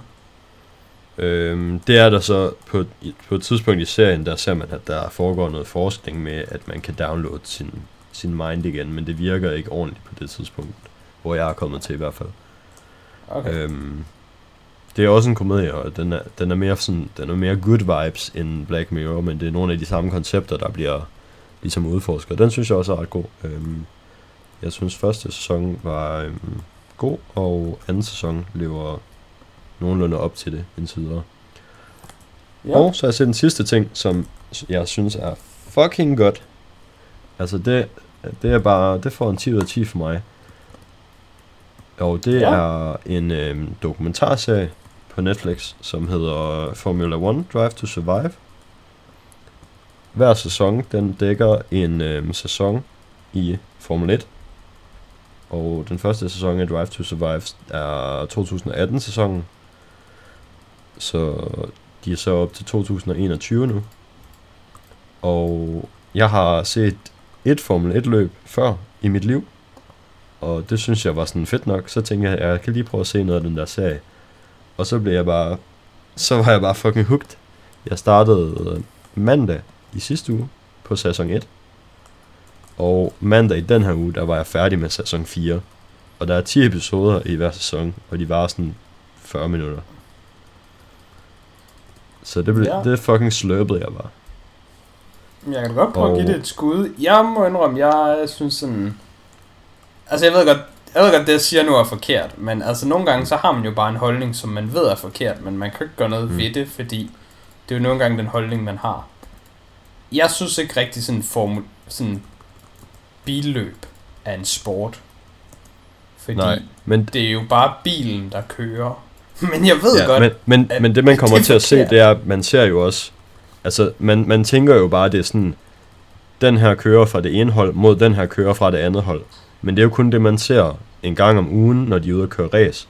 I virkeligheden, så er det jo et hold på hundredvis af mennesker mod et andet hold på hundredvis af mennesker, der arbejder hele sæsonen på at lave den bedste bil. Ja. Øh, ja, så der, er jo, der, der er jo to forskellige konkurrencer. Der er verdensmesterskabet, hvor det er den øh, kører, der har vundet flest løb, der vinder.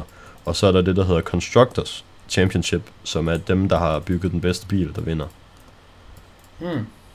Øh, som altid kører sideløbende hver sæson. Og der kommer man, der får man måske mere en appreciation for den anden del af det, som er det der Constructors, som ikke er så meget Altså det er jo ikke det, man lige ser, når man ser, okay, nu har Max Verstappen vundet et eller andet løb igen. Jeg, jeg, jeg kunne også godt forestille mig, at det er sådan med det her show, som der er med næsten alt andet i verden. Det er sådan, hvis det er lavet godt, så er det jo bare godt. Uanset ja. hvad sådan Ja, ja, og det er, det er lavet virkelig godt, og så vil jeg, så det er bare sådan, jeg tror, hvis man godt kan lide sådan nogle sportsting, og det ved jeg, du kan, så, mm. øh, så tror jeg, at man vil synes, det er spændende. Fordi ja. det har jo bare de der samme feel-good moments, men når der er nogen, der har været klaret sig dårligt i et løb, og så vinder de fucking, selvom de var aller bag os og sådan noget. Ja. Jeg ved hvad, jeg, jeg kunne godt være in the mood for noget, øh, noget serie. Så øh, hmm. jeg, jeg, jeg tror, jeg tager dig på ordet, og så, øh, så kan jeg jo øh, give min øh, opinion i, øh, hmm. i april måneds podcast. Jeg har, øh, jeg har to film tilbage. Den ene, den uh, tager jeg lige hurtigt, for den tænker jeg nemlig, at der kan vi tage din opinion til april måned. Det er en film, jeg vil prakke dig på. Mm. Den hedder Fresh. Jeg har godt nok kun givet en 8 ud af 10, men det vil nok være en 8,5 ud af 10. Jeg, jeg, jeg kunne godt lure lidt til at give den 9 ud af 10, faktisk. Uh, det er en film med Sebastian Stan. Det er lidt en spooky film. Jeg ved, hvordan uh, din kæreste har det med uh, blod og, og ting, men altså, det, den er det er en sjov... Fin mere, det er mere sådan jumpscares faktisk. Der er, okay, der er ikke nogen rigtig jumpscares. Altså, den, den er sådan... Den er sådan sjov uhyggelig. Altså, den er sådan... Den, den er fucked up af, hvad den er. Jeg vil ikke sådan forklare for meget om den, men altså, den er sådan... Den er uhyggelig, og den er fucked up, men den er stadig... Altså, det, det er ikke en mørk film. Altså, der er meget lighting, og der er sådan gode farver, og det er sådan... Det, der sådan gør den mest uhyggelig, det er sådan det, der foregår der i, og ikke sådan stemningen ved filmen. Hvilket jeg føler er en vigtig ting, for der er nogle film, hvor det er bare sådan, det er ikke så meget, fordi det er uhyggeligt, det er bare, fordi der er en masse jumpscares og øh, mørkt og, og alle sådan nogle ting. Sådan noget, nogle lidt cheesy effekter. Altså det her er bare en god film, synes jeg. Som så tilfældigvis er uhyggelig, fordi plottet, det omhandler noget, hvor hvis ja. det skete for dig, så ville du være sådan lidt, ah, det er sgu ikke så fedt. og Sebastian Stan der i, han er fucking sprød. Kæft, han er god deri. Der er sådan mm. en uh, dansescene med ham, og den er bare fucking sjov, synes jeg. Øh, den, den, vil jeg, den vil jeg meget varmt anbefale dig, og vores slutter, jeg synes virkelig fresh, ja. den, er, den er fresh. Um, efter du snakker om den sidste episode, der har jeg også jeg har været prøve, at prøve at lige snige den ind der, jeg prøver at sælge den lidt til min kæreste ved at sige, at uh, Sebastian Stan er med i den og sådan noget. Han er jo også, uh, han var med han, i nogle, han var med i nogle romcoms og sådan noget, før han blev en Marvel guy. En rigtig Winter Soldier. Så ham, ham tænker Jamen, jeg altså, godt, man kan sælge den, nogle, nogle piger for. Ja, men det er, altså det er også det film, handler om. Den, den handler om, at man dater Sebastian Stan. Det, det er en pige, mm. der er hovedperson, og hun dater ham. Det, det kan du bare sige. Det, den handler bare om at date Sebastian Stan. Mm. Hvem vil ikke det? Ellers så den sidste film, som jeg har set, og gemt ja. den bedste til sidst, det mm-hmm. er Spider-Man No Way Home. Den har jeg endelig haft muligheden for at se. Ja. Og altså, den var ikke lige så god, som jeg havde håbet på, at den skulle være. Men den var stadigvæk virkelig god, bare på en anden måde. Altså, det her, det var nok den største form for circle jerking fan service, jeg nogensinde har oplevet i mit liv. Men ja. problemet ved det er jo bare, at jeg lappede det hele i mig, så jeg kan jo ikke rigtig sådan klage over det. Jeg var bare sådan fucking sløp, sløp, sløping it up. Ja. var... Jeg kunne dog ikke helt sådan finde på at give den 10 ud af 10. Fordi jeg synes alligevel, det var, det var på en måde en lidt for nem film. Og jeg synes det bedste ved filmen, det mm. var øh, Dr. Octopus og øh, Sandman. Bare fordi dem kan jeg så sindssygt godt lide i deres originale film. Men det at hvilken, de får... Hvilken, hvilken er det, for Sandman er fra? Er det træerne? Han er fra træerne, ja. Jeg er faktisk i tvivl, om jeg nogensinde har set træerne, så. Jeg kan altså godt lide træerne. He- hele de første sådan 66% af træerne er altså sådan legit ja. godt, synes jeg. Den tror jeg måske jeg sy- bare ikke, jeg har set nogensinde. Okay. Altså, jeg synes træerne, den kan noget. Træerne, den kan virkelig ja. noget. For det første, så er det bare en legit god film, sådan en stor del af filmen. Og så der, hvor den bliver dårlig, der, mm. fordi vi lever i 2022, og memesene de har stået på i øh, et år 10, så bliver det også bare så meta, at når filmen bliver dårlig, så bliver det bare sådan et eller andet sted pisse fucking sjovt, fordi du, det, det er som om, at det bare er en eller anden inside joke, du er indoven, der sådan mm. udspiller sig for real foran dine øjne. Sådan lidt på samme måde som i, øh, jeg synes det bedste eksempel på, hvor meget fanservice og hvor meta den der uh, No Way Home er. Der er yeah. på et tidspunkt, hvor Willem Dafoe, han siger, You know, I'm somewhat of a scientist myself. Det synes yeah. jeg, det var så sindssygt fucking sjovt, og jeg sad bare og grinte og grinte og grinte. Ja, det var og fucking godt. jeg kan sige, at jeg var den eneste i lokalet, der sad og grinte, fordi jeg er nok den eneste, der var så meget into memes af de folk, jeg så den sammen med. Så de var mm. sådan lidt, hvorfor er det så sjovt? Og så jeg var sådan, altså, det er også den siger, jeg synes bare, det var fucking sjovt. Ja, der, var, der var god stemning i min biograf der. Så Jamen, jeg, tror også, i, jeg tror også i biografen, der vil folk, altså, især sådan nogle af de tidligere, folk være losing their shit, for det var pisse fucking ja. sjovt. Jeg, jeg ved ikke, om vi snakker om, jeg sagde det nok ikke, dengang jeg fortalte, øh, hvad jeg synes om filmen, men jeg havde fået spoilet næsten alle øh, dem, der var med, ved at jeg bare sådan, altså bare scroller Facebook, og så står der sådan et eller andet Uh, breaking news. Andrew Garfield denies being in No Way Home, og så er han selvfølgelig med. Ja. Jeg, jeg havde fået spoilet næsten alle cameos, bortset fra en. Var det Daredevil? Det var nemlig Daredevil. Han kom lige out of Det var fucking nice. Fordi ja, det synes jeg også jeg synes også, jeg synes også, han ser var fucking god. Og jeg, ja.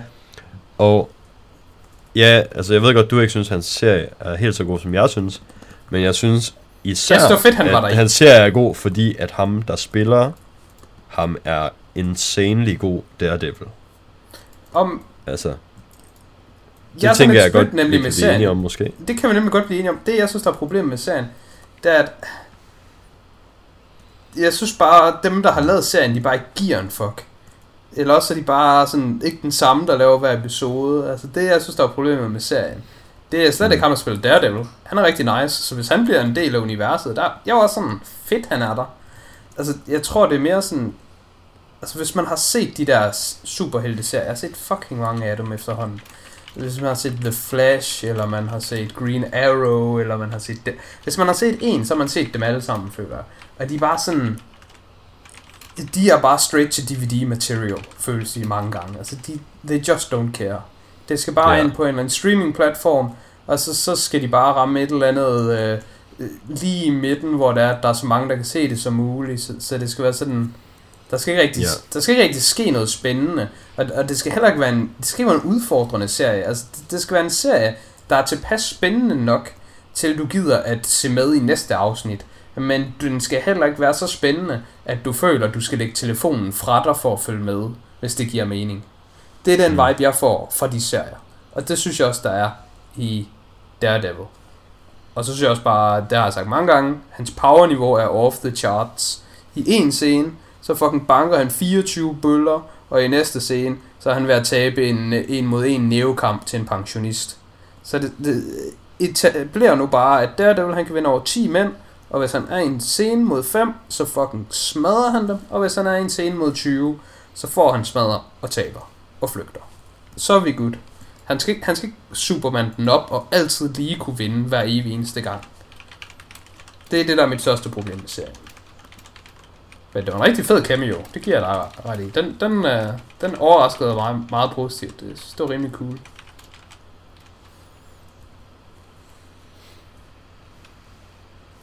Ja.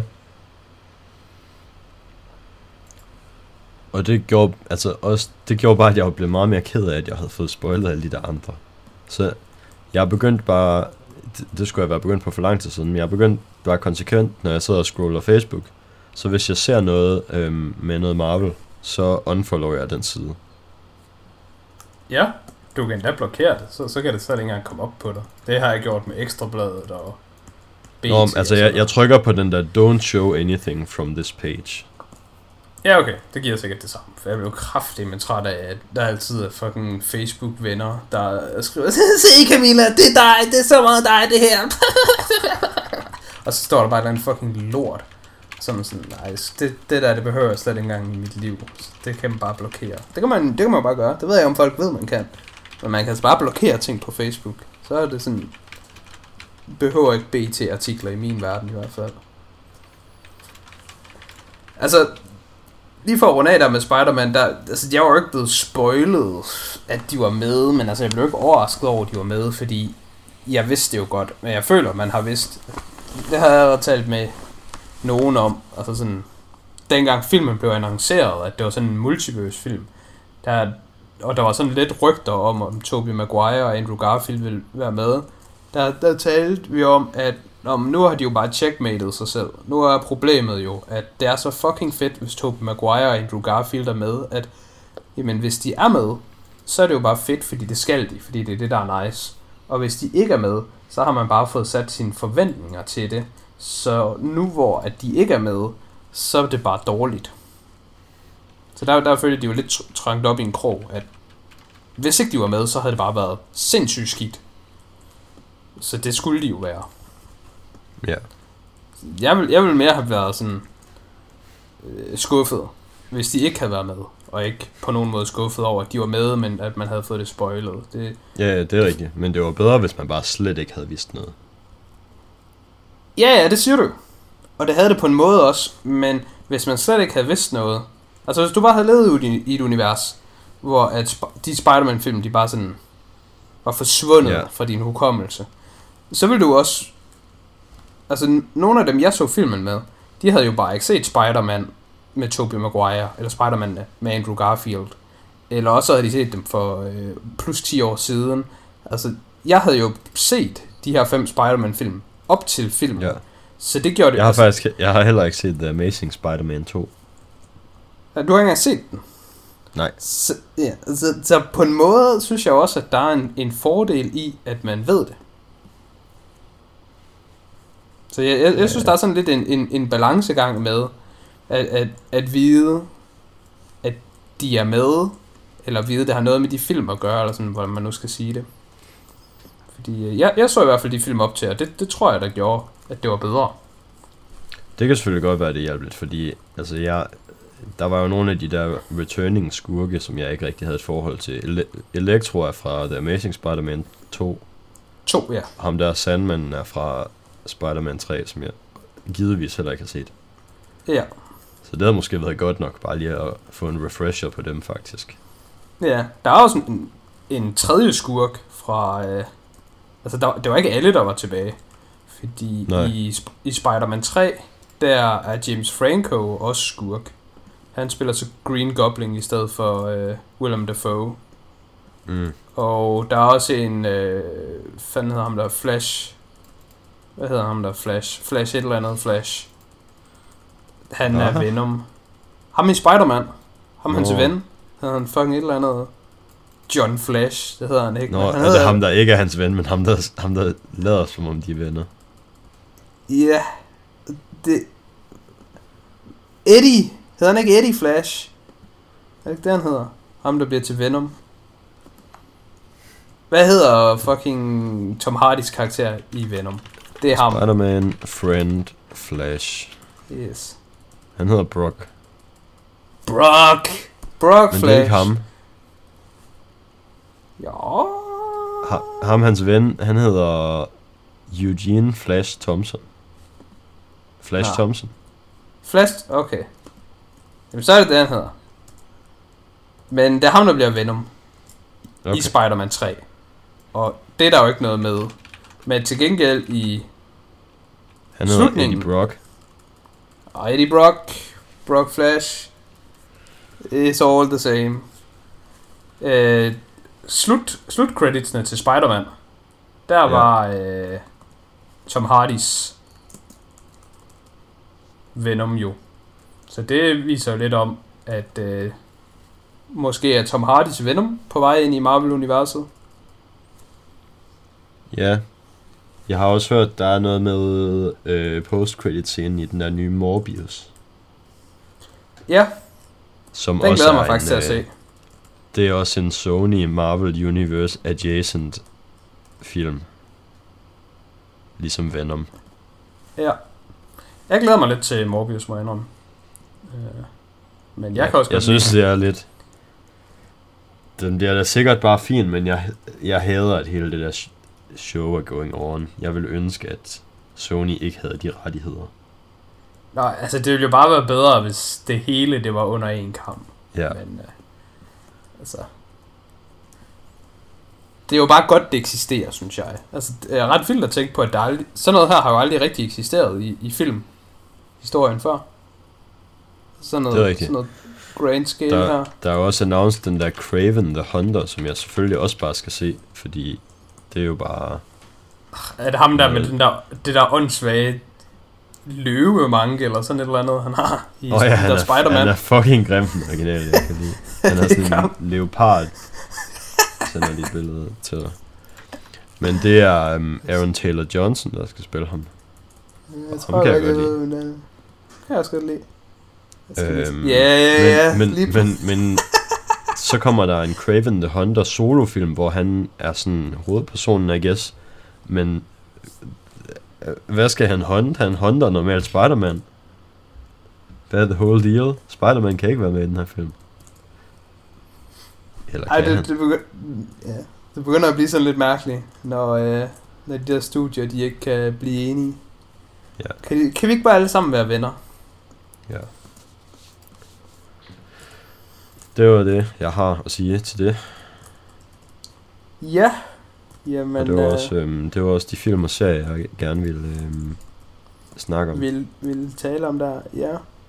Jamen, øh, jeg har også været igennem hele mit Og jeg føler ikke, at jeg har set så meget den her øh, måned, så jeg tror måske til, til april, der prøver ja. jeg lige, som jeg kan finde på en anden måde at præsentere mine på. Bare så Hvis det du regner med at skulle have flere film til den tid, så skal du snakke kortere tid om dem i hvert fald. Ja, eller måske bare vælge nogen fra, eller bare sige, ja, den har fået ja, det. Ja. ja. Men ja, det er, det er fint nok, det er fint nok. Ellers så, så, hvis man er lytter, så kan man jo altid bare skrive på, på din Twitter, ja. og det giver det, du plejer at sige. Ja. Så kan man, man kan jo... sige, du kan jo sagtens springe over nogen, for folk kan jo også bare gå ind på din letterbox og se dine reviews. Så ja, ja, det er jo det. Der er, ikke nogen, der er ikke nogen grund til bare at sidde og sige en liste af 10 film, og så være sådan, de er alle sammen 6 ud af 10, fordi folk kan jo bare gå ind og se listen. Jamen, det er sandt. Jeg føler også nogle gange, der, der gik jeg bare over filmen, fordi nu stod den på min liste. Ja. Og så tænkte jeg også bagefter, det var egentlig rimelig... Ja, nu har de alle sammen lige fået en lille elevator pitch. Ja, ja. Det er fint nok. Men right. Øh, hvad er det det for i dag så? Ja, for denne måned, det vil jeg sige. Nå ja, ja for denne måned. Jamen, øhm, så har vi jo ikke andet at sige herfra end øh, tak, fordi I lyttede med. Vi håber, I synes, øh, det var godt at få en lille Oscar-episode også. Og ellers så vender vi jo bare tilbage i næste måned med nogle flere spændende ting og sager. Ja.